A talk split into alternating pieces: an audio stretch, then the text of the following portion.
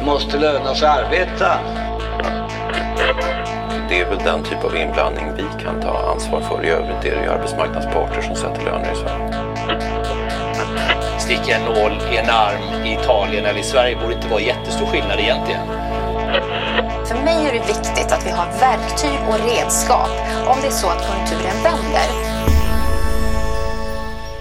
Välkomna till Arbete och fritid fredagen den 11 september, Arbetsvärldens podd. Idag är vi ett eh, delvis lite nytt gäng i studion. Britta Lejon, du är med som vanligt, ordförande ja. i ST.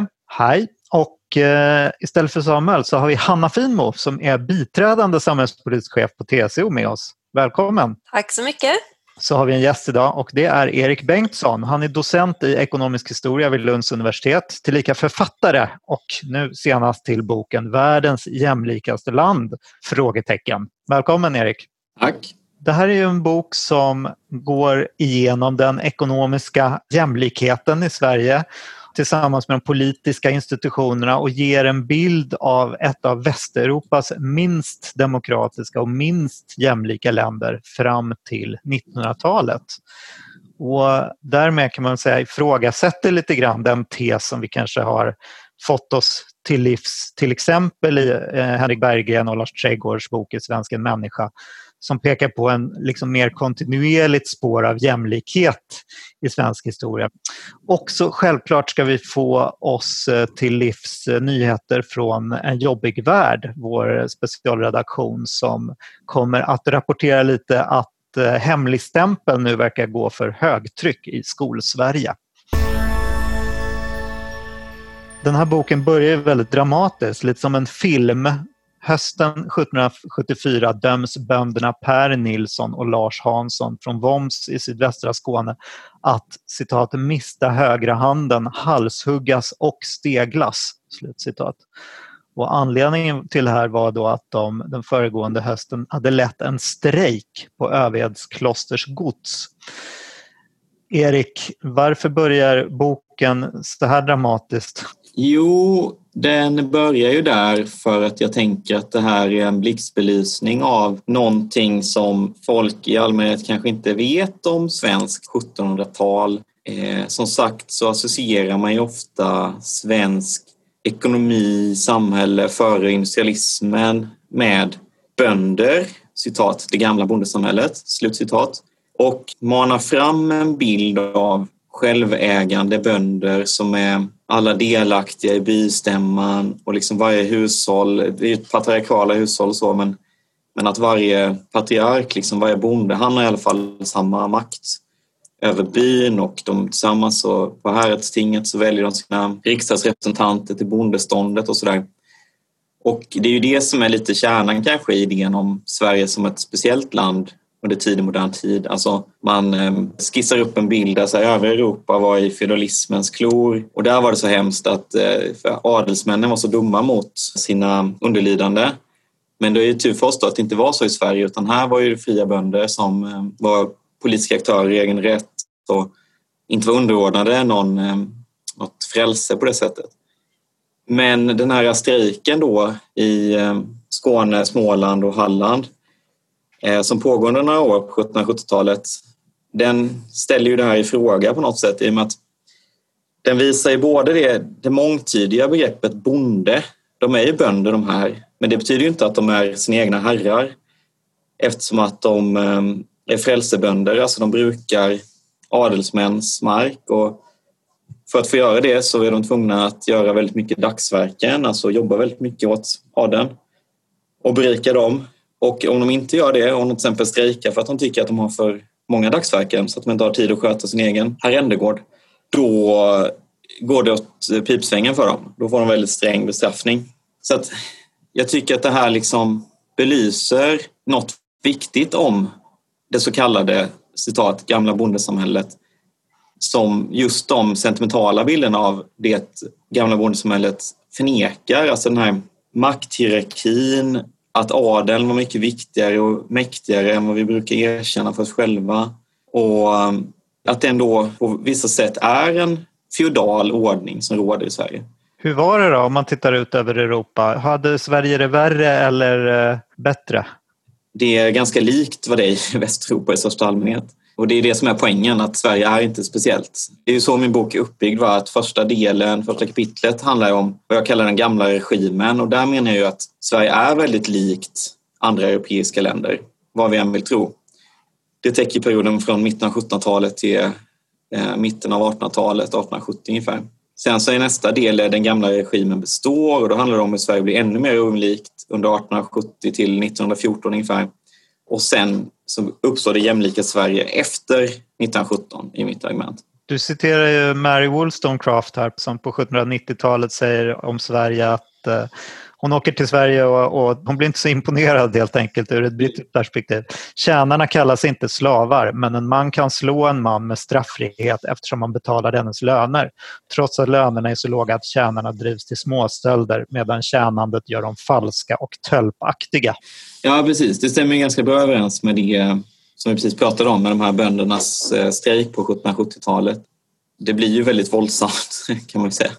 Eh, de blir väldigt bestraffade för eh, sina aktioner. Det är ett exempel med en lantarbetare som döms till piskstraff och många år i fängelse med straffarbete för att han har sammankallat till ett politiskt möte. Det är också väldigt intressant utifrån för några år sedan så firades ju 250-årsjubileet av tryckfriheten i Sverige. 1776 till 2016 var det väl. Och då så sa man liksom att i Sverige vi är verkligen det frihetligaste landet i världen så bra var det redan på 1700-talet. Man fick verkligen säga precis vad man ville och alla gjorde det. Men det är ju en sån otroligt klassbunden historieskrivning där man bara bryr sig om de som hade förmågan och resurserna att ge ut böcker. Medan när då de här äh, underordnade grupperna alltså bara vill uttala sin åsikt och ha ett möte om är våra villkor rimliga? Ja, men då blir, då blir det piskstraff och det blir många långa år på fästning med straffarbete.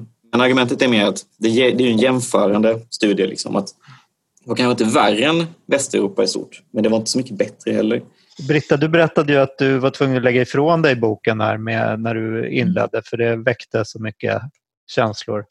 Ja, men så var det. Jag vet inte varför jag hade förväntat mig någonting annat, men ditt sätt att inleda boken så där otroligt eh, målande och eh, brutalt eh, gjorde att jag faktiskt mådde lite dåligt, så jag fick lägga ifrån mig den. Eh, därför att jag plötsligt fick flashbacks av saker som min farfar och min farmor hade berättat från deras barndom. Jag fick liksom ta ett omtag sen och läsa, läsa den lite senare när jag hade förväntansbilden på boken var en annan. Jag menar, de flesta har ju samma historia eh, om vi går några generationer bakåt i tiden. Liksom. Att man har far och morföräldrar som har växt upp eh, under otroligt eh, svåra förhållanden. Eh, I farfars fall till exempel att han, hans, hans mamma blev änka hyfsat tidigt och han var på vippen att säljas på auktion. Liksom. Och hur hans mamma klarade av att undvika det. Liksom. Och farmors och farfars bröder som liksom just därför att de försökte organisera fackliga och politiska sammankomster så blev de ju också, och också farfar själv, svartlistade av arbetsgivarna. De kunde liksom inte, fick ingenstans att bo och de fick inget jobb i Sverige. Och, ja, och farmors småbröder som fast de var jättesmå fick jobba jättehårt. Jag menar, den där bilden har vi ju om vi går några generationer tillbaka i tiden, allihop, de flesta av oss. Liksom. Mm. Hanna, vad tänker du om den här bilden? Ja, men en jätteintressant bok, just också den här kopplingen med politiskt inflytande och ägande och så liksom titta på de sakerna tillsammans. Jag tyckte också det var jättekul att läsa om eh, liksom organiseringens betydelse, fackens betydelse. Eh, sen kommer ju liksom TCO, vi fick ju inte vara med riktigt för vi kom ju lite senare, eller förbunden, vissa av våra förbund fanns ju men mm. TCO som organisation dök upp lite senare. Eh, så det började jag också tänka mycket kring det faktum att vi idag har en väldigt välorganiserad lön, eller väl, välorganiserade löntagare över hela linjen egentligen. Och vad det betyder då liksom framgent för de här frågorna tänkte jag var intressant. Ja, vi, vi kan väl eh, komma in på vad som hände sen då när Sverige demokratiseras Eh, som eh, för mig som inte är historiker, jag blev lite förvånad över det här att en första reformering av rösträtten skedde när vi fick ett tvåkammarsystem 1866 och då så tilläts eh, var femte svensk vuxen man att rösta till andra kammaren. Och det var alltså i, i klass med Ungern och Italien länderna som var mest odemokratiska på den här tiden i Europa. Men sen så slår det ju till och händer någonting här fram till 1909 och så vidare. Och eh, din tes är ju lite grann att, eh, att så många var uteslutna ledde sen till en, att motorganisationen blev så pass stark i Sverige. Då. Vi hade liksom inte en som kanske i övriga Europa en pågående kamp mellan socialister eller liberaler och konservativa sedan 1849 utan mer ett status quo som födde liksom en bred nykterhetsrörelse och arbetarrörelse, något civilsamhälle som sen när det väl kom till makten med sitt nykterhetshögmod som du skriver kom att dominera väldigt starkt. Så det är liksom en mer dialektisk utveckling än övriga Västeuropa. Ja. Hur gick den här utvecklingen mot, mot världens jämlikaste land till då? Ja, Nej, det nykterhetshögmod är ju väldigt roligt tycker jag själv. Det är ju en biskop, eh, biskopen i Göteborg som säger det. Biskop Rode hette han i början av 1900-talet för att han tycker att Alltså som sagt, Sverige är ju ett otroligt elitistiskt och auktoritärt land runt 1900 och de traditionella eliterna, adel, biskopar, eh, hovet, kapitalisterna har ju i mångt och mycket en väldigt nedlåtande syn på vanligt folk. Och biskop Rodes idé då om att de här nya nykteristerna, att det är ett tecken på högmod när de tycker att de har rätt att organisera sig själva. Det säger ju väldigt mycket om hur eliten ser på det. Och samma sak, jag citerar också Heidenstam, hur han uttalar sig om eh, i samtal med Strindberg om arbetarna på hans familjs eh, bruk, där hemma järnbruk, som finansierar hans liksom, liksom, luxuösa livsstil som en slösare och leberman. Det är ju horribelt. Alltså det är ju, Heidenström framstår som en fruktansvärd människa. Och jag tycker det är väldigt fascinerande att vi lever liksom med så många bilder av svensk historia samtidigt som är Å ena sidan så vet vi ju alla, alltså, så, precis som Britta sa, liksom, att många har ju hört sådana berättelser om hur ens mor och farföräldrar hade det eller sådär, som inte var så länge sedan. Och man fattar att det var tufft och det var ett samhälle med väldigt stora klyftor och så. Men samtidigt så finns det också den här berättelsen om att ah, men det var väl ändå en eh, kontinuerlig demokratisering och vi har alltid gått så måttligt fram och det går så långsamt och stadigt och mellanmjölkigt i Sverige. Men så var det verkligen inte utan som sagt då när De Geer och det gänget på 1860-talet ska reformera den svenska representationen så väljer ju de ja, Västeuropas mest exkluderande system där till första kammaren, jag menar andra kammaren är odemokratisk, bara en femtedel av vuxna män får rösta. Men sen har vi första kammaren också där det är 2% av vuxna män som får rösta. Och de som får bli valda dit, är, de ska väljas inom en grupp av 6 000 män. Och om det sitter då en hundra någonting män i eh, första kammaren, det är en ganska stor del av dem som, sitter, faktiskt, som är valbara som faktiskt sitter där. Så att det är ju grundat i en sån väldigt elitistisk syn på vilka människor duger någonting till och vilka är förmögna att ta hand om sig själva. Där liksom kvinnor rangeras ut med en gång då på grund av sitt kön och de anses inte vara förmögna till politiskt agerande och tänkande. Och sen gäller ju samma för alla arbetare, alla som flyttar någon gång för då är man inte tillräckligt stabil. Alla som inte har ett eget hushåll för då är man inte... Det är ju, det är ju verkligen bokstavligt talat en patriarkal syn. Alltså där man ska vara en man som inte jobbar för någon annan, som har sitt eget hushåll, har egna tjänare. Det är liksom det som är kvalifikationerna för att få delta i politiken. Och att det är så väldigt, väldigt konservativt menar jag ju polariserar ironiskt nog befolkningen och triggar en stor del av den uteslutna befolkningen till att organisera sig i de här folkrörelserna. I och med att elitens syn är att bara de själva är förmögna att göra någonting och ta hand om landet så är ju all typ av aktivitet är ju i princip en protest eh, mot det rådande systemet. Och, så det finns ju jättemycket spännande exempel från forskningen om hur hänger det ihop med liksom olika varför främjade nykterismen? Som idag kan vi tycka att nykterism är väl ingen så politisk fråga på det sättet utan det är liksom en livsstil, snarare ett livsstilsval man kan göra.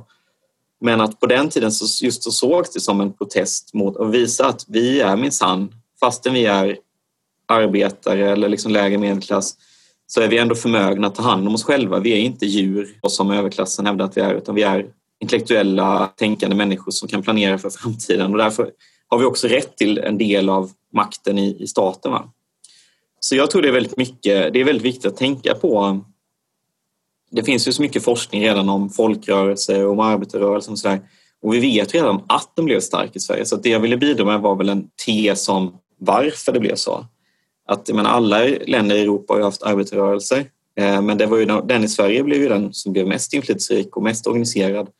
Och varför blev det så? Och då, då tror jag verkligen att vi ska spåra det tillbaka till de politiska institutionerna. Att det är kortsiktigt agerande av den svenska eliten symboliserad av till exempel biskop Rode, Verner von Heidenstam, Erik Gustav Boström, statsministern, som inte kan se att de här oduglingarna som de ser på det vanliga folket, att de oduglingarna skulle kunna vakna och ta makten. Liksom. De fattar inte det förrän den ryska revolutionen visar att det kan gå helt åt helvete för eliten om man inte aldrig någonsin ger med sig det minsta. För då till slut så är det ju den sista uppgörelsen är ju med vapen i hand. Och där vill man inte hamna. Och tack och lov så inser de ju det och ger med sig. Och då får vi allmän rösträtt. Hur erkänd är den här eh, teorin som du lägger fram? Är du ensam eller finns det fler som tänker alltså den, att det beror på det här? Att det rotar sig i de politiska institutionerna är ju ny. Det har ingen sagt innan. Mm. Eh, jag tar väldigt mycket inspiration från en forskare som heter Madeleine Hurd som har jämfört Tyskland och Sverige. För att det som är intressant med att jämföra Tyskland och Sverige är ju att Tyskland, vi vet alla vad som hände där, eh, Weimarrepublikens demokrati höll i tio år ungefär och sen fick de den ultimata katastrofen, liksom, eh, den sämsta politiska regimen som någonsin har funnits. Och i Sverige demokratiseras samtidigt, men här består ju demokratin och blir, blir ju verkligen den här mellanmjölkiga konsensusdemokratin på något sätt. Eh, och då är det ju alltid lockande att tänka sig att aha, det borde vara rotat i att Sverige var mellanmjölkigt och konsensusinriktat även innan och så finns det en tradition som man bär vidare. Och i Tyskland så borde det ha varit mer polariserat och odemokratiskt redan innan. Men det som är så kul med när man väl börjar forska om det så som Berlin Hörd gjorde då i sin avhandling för 20 år sedan är ju att det är precis tvärtom. Tyskland är mycket mer demokratiskt och mycket mer vital politik i slutet av 1800-talet. Bismarck som alltid brukar ses som så här, åh gud vad han var militaristisk, odemokratisk och preussisk och konservativ och hemsk mycket mer demokratiska än de här eh, Gripenstedt som svenska liberaler älskar så mycket och Louis De Geer och dem. Bismarck gav ju alla vuxna män rösträtt. Och det gjorde ju att man fick en väldigt tuff politisk konkurrens där det verkligen var en strid typ på kniven mellan socialister, liberaler, konservativa. Medan i Sverige så fanns det bara konservativa i riksdagen och ett fåtal oppositionella radikaler från Stockholm i princip och någon liberal bonde också.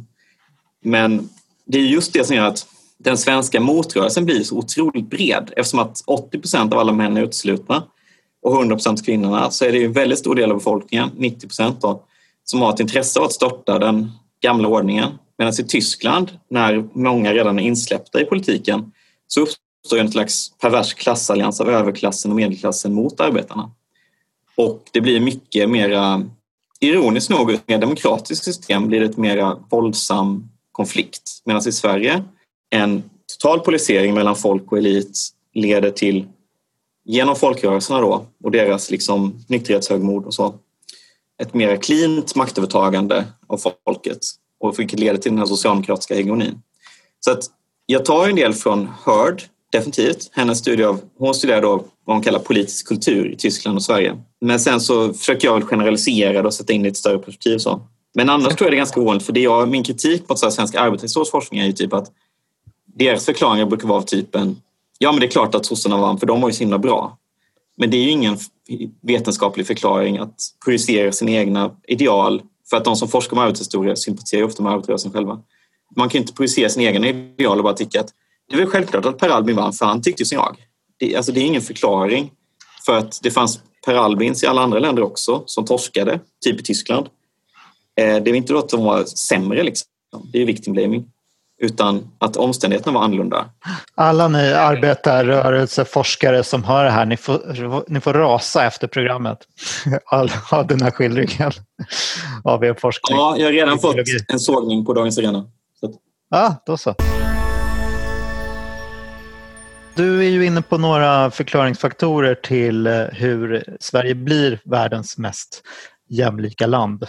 Alltså, i så samhällsvetenskaplig terminologi så kan man ju snacka om skillnaden mellan nödvändiga orsaker och tillräckliga orsaker. Så den starka staten tror jag är en nödvändig orsak till att Sverige blev världens jämlikhetsland, men inte en tillräcklig orsak. där är ju den svenska särarten sann. Att sedan 1516-talet har Sverige haft en väldigt kompetent stat. Sen Gustav Vasa och eh, Oxenstiernas reformer på 1600-talet och så. Och det tror jag liksom har bekräftats av den senare forskningen. Det är inte bara en myt utan det är faktiskt det är så.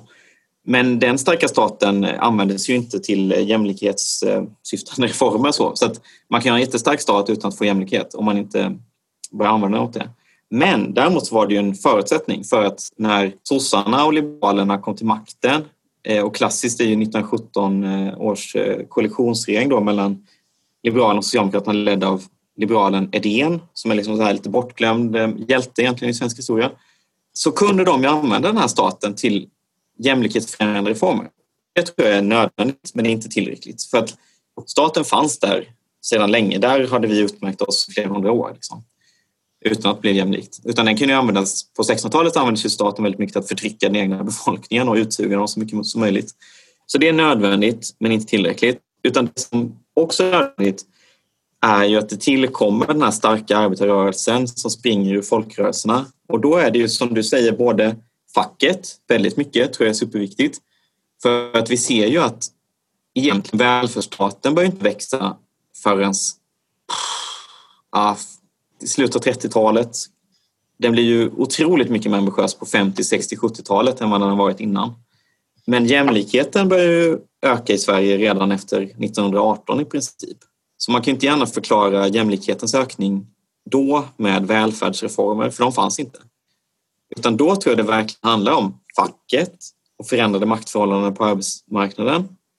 Och det handlar om fördelning mellan arbete och kapital i inkomstfördelningen mekanismerna för utjämningen är liksom skattepolitik, välfärdspolitik, lön, fackens lönepolitik. Men det är mekanismerna, det är inte förklaringarna. Det är liksom så det, hur det sker, inte varför det sker.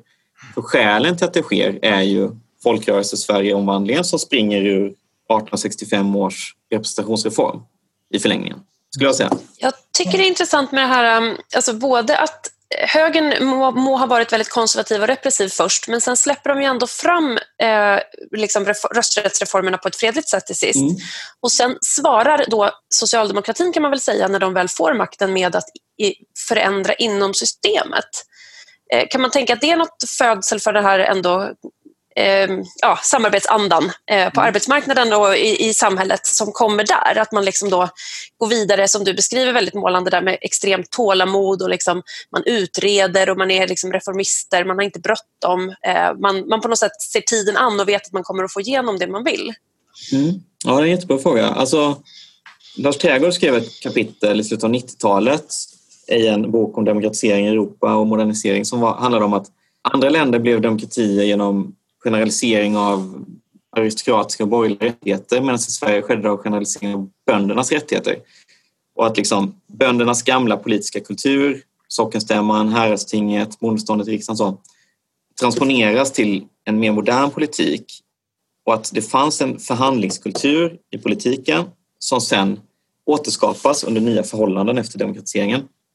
Och så jag laborerar lite i boken med att försöka kombinera våra olika förklaringsmodeller. För jag menar, jag har en förklaringsmodell som bygger väldigt mycket på materiella motsättningar, politiska institutioner och han har egentligen en mer kulturhistorisk approach där han studerar liksom, hur förhåller sig människor till varandra på ett mera... Eh, alltså hur är den politiska kulturen, så att säga.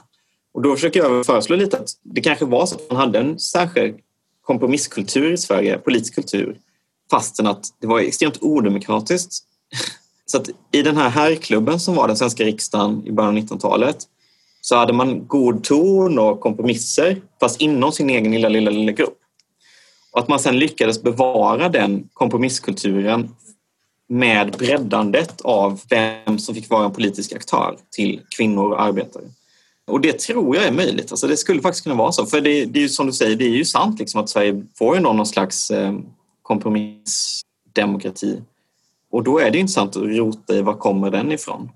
Så det jag har försökt säga där är väl mer att jag vill liksom sparra lite med den här politiska kulturförklaringen och säga att vi får inte tolka existensen av kompromisskultur som tecken på att de materiella klyftorna var små eller något sånt. Utan den politiska kulturen den kan liksom på ett sätt avvika från den materiella basen i samhället. Så, så det skulle kunna vara så. Eh, men det, det här är verkligen en sån grej där jag väl säger, försöker säga i boken att här behöver vi mer forskning. Liksom. För att om den tidigare förklaringen har varit så här att ja, men vi var väldigt särskilt jämlika och demokratiska, alltså hade vi med små sociala skillnader så hade vi också lättare att komma överens och det bestod in på 1900-talet och återskapades i form av folkhemmet. Det, är ju det, det försöker jag förstöra, hela den bygget och säga att de materiella skillnaderna var jättestora, den sociala polariseringen var jättestor men att den politiska kulturen kan ändå ha varit säregen fastän att där ute i samhället så var liksom motsättningarna stora. Hörrni, kan man se den här boken som en del i en trend? Jag tänker att vi pratade jämlikhet i förra podden. Då var det nämligen jämlikhetsutredningen som vi hade här. Och Eh, den här boken kommer ju väldigt tajmat med eh, Pikettys eh, nya bok som också handlar liksom om ideologiproduktionen kring mm. ägande och arbetsmarknadens utformning. Är det en akademisk trend där att titta på, på jämlikhet och ideologiproduktion? Och kommer det få något politiskt avtryck? Ja, bra och svår fråga tycker jag. Alltså en, den, under frågan om det finns en trend, ja, absolut, det är en enkel, den är nog enkel att besvara. Mm. Och det är ju väldigt mycket Piketty och hans kollegor i Paris och så som är orsaken till det tror jag. Att de har ju, I och med att de återuppfann den här toppinkomstmetoden då för 20 år sedan så har ju det blivit som en industri i sig, ekonomin.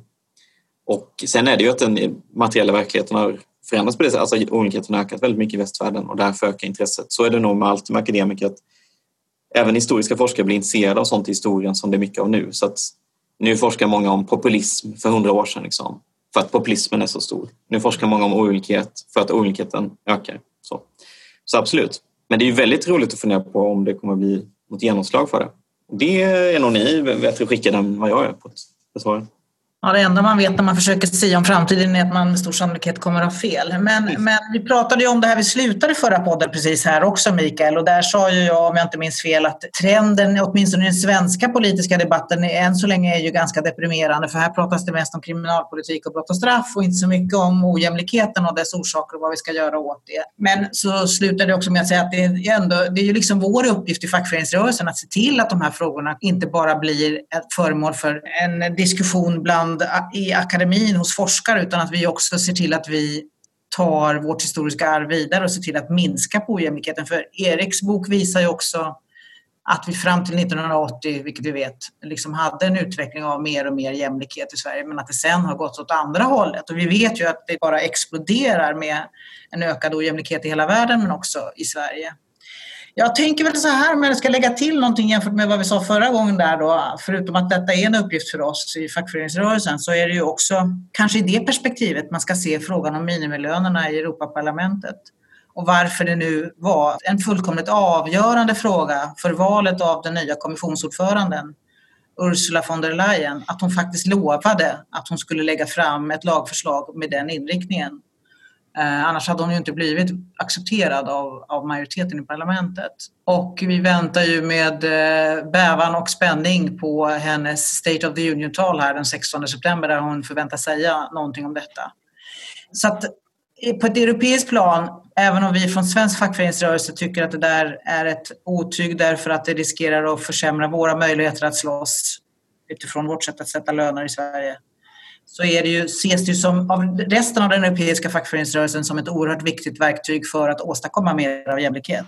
Ja, det är roligt. Jag tänkte faktiskt också på det där inför den här podden, att det visar hur vi sticker ut för att vi är så välorganiserade så vi ser det som ett hot mot, mot eh, fackets makt på ett sätt. Medan resten av Europa ser minimilöner som något väldigt progressivt. Absolut. Man får ju ändå säga att det är en väldigt annorlunda sorts krisbekämpning än liksom sist det begav sig på europeisk nivå. Så det har ju ändå hänt någonting.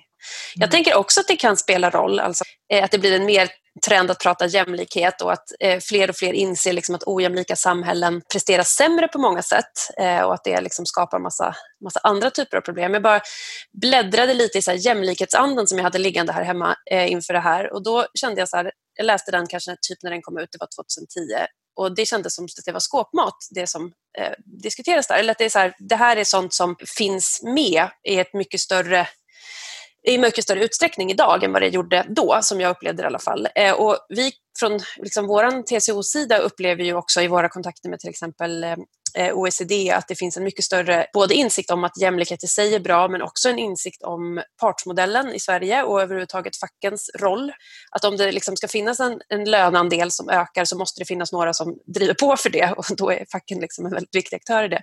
Så det skulle man väl kunna hoppas att det är en, liksom dels en förändring i den akademiska världen som sen kanske ger sitt utslag på vissa håll politiskt. Om dock kanske inte just nu i den svenska politiska debatten. Mm. Mm.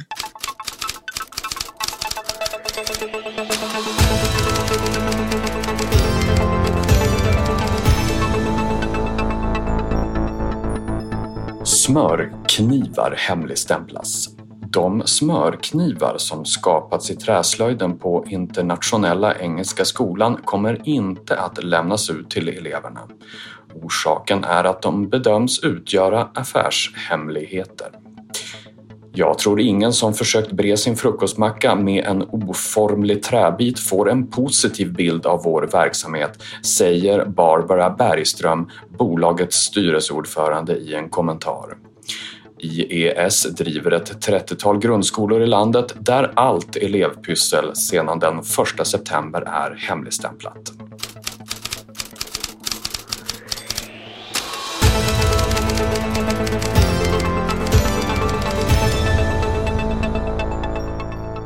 Jätteroligt som vanligt. Ja, den är jättebra. Och det där visar ju bara liksom, eh, hela den här historien med, med liksom, eh, sekretessbeläggningen av, av eh, betygen och andra uppgifter i, i privata skolor visar ju bara liksom hur ohållbart det här är. Alltså vi, klart vi måste, vi måste komma till rätta med det där och går inte det att lösa, alltså jag kom, från mitt förbunds sida så säger vi alltid att all form av myndighetsutövning måste, liksom ska ske med offentliganställda tjänstemän. Där det liksom går att ta insyn i besluten fattas och det också går att överklaga besluten. Eh, här har man inte insyn. Då kan man inte veta någonting om det finns behöriga lärare. Man vet inte. Det, är så, eh, ja, det visar på hur tokigt det här är och att vi måste åstadkomma någon förändring. Och går det inte att åstadkomma förändringar lagstiftningsvägen så får man väl fundera på om det överhuvudtaget är möjligt att ha skolor på det här sättet. Liksom. För så här kan vi inte ha det i alla fall. Jag är bara så tacksam att jag precis har fått mitt andra barn att börja i en skola som jag vet var den ligger någonstans och där jag vet en hel del om verksamheten. Eh, och det kändes som att eh, alltså Lars Berg, han är alltid så himla rolig. Det här skulle ju mycket väl kunna vara nästa steg känns det som. Med tanke på hur bisarrt det är. Och precis, du säger det ju Britta, det, det måste ju gå att lösa. Det, det kan ju inte få lov att vara så här. Sådär, när, jag, när jag var statsråd och hade ansvar för förvaltningspolitiken då tillsatte jag en utredning som skulle försöka öka, liksom, få, få in insyn i privat verksamhet som var finansierad av statligt med, med, offentliga medel. Och det var ju oerhört svårt. Vi lyckades ju liksom inte... Här krockar ju liksom eh, aktiebolagslagstiftningens regler med det offentligrättsliga liksom regelverket och det är svårt att lösa den där knuten. Under min tid lyckades vi inte och det har inte, eh, man har inte lyckats senare heller. Vare sig det handlar om våra barns väl och ve eh, och utbildning eller om det handlar om någon annan otroligt viktig fråga så måste det ju finnas möjligheter till insyn och ansvarsutkrävande och att göra informerade val som föräldrar i det här fallet. Då. Men är inte det där eh, friskolornas eh, attackpunkt just att ska offentlighetsprincipen gälla för skolor ja då ska det gälla för all offentlig finansierad verksamhet. Ja, att det är all, all myndighetsutövning, betyg är ju myndighetsutövning. Ja, absolut, och det tycker vi också eh, och har drivit länge. Och går inte det att lösa man är inte beredd att ställa upp på det så kanske man inte ska bedriva verksamhet med offentliga medel. För det måste gå att ha insyn i hur de används och det måste gå att liksom utkräva ansvar. I offentliga verksamheter utkräver man ju ansvar genom att rösta bort politiken. I privata verksamheter som utför offentlig verksamhet så är tanken att man ska kunna rösta bort dåliga utförare genom att lämna med liksom, välja, välja bort den verksamheten. Har man inte insyn kan man inte välja bort en dålig verksamhet. Liksom. Bra hörni, det var jätteintressant att läsa den här boken måste jag säga. Jag blev kanske inte riktigt klar på vilken genre den här boken tillhör men det var verkligen en bok som jag kände så här, shit den här vill jag rekommendera till alla oavsett vad det var för genre på den.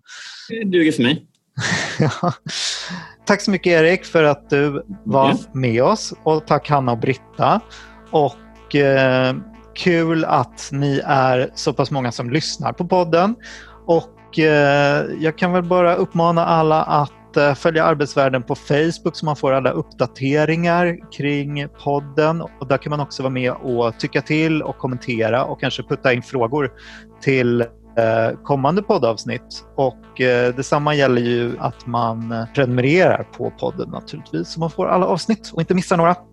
Tack för idag. Vi hörs igen om två veckor. Det gör vi. Ja. Tack Hej. hörni, kul att vara med.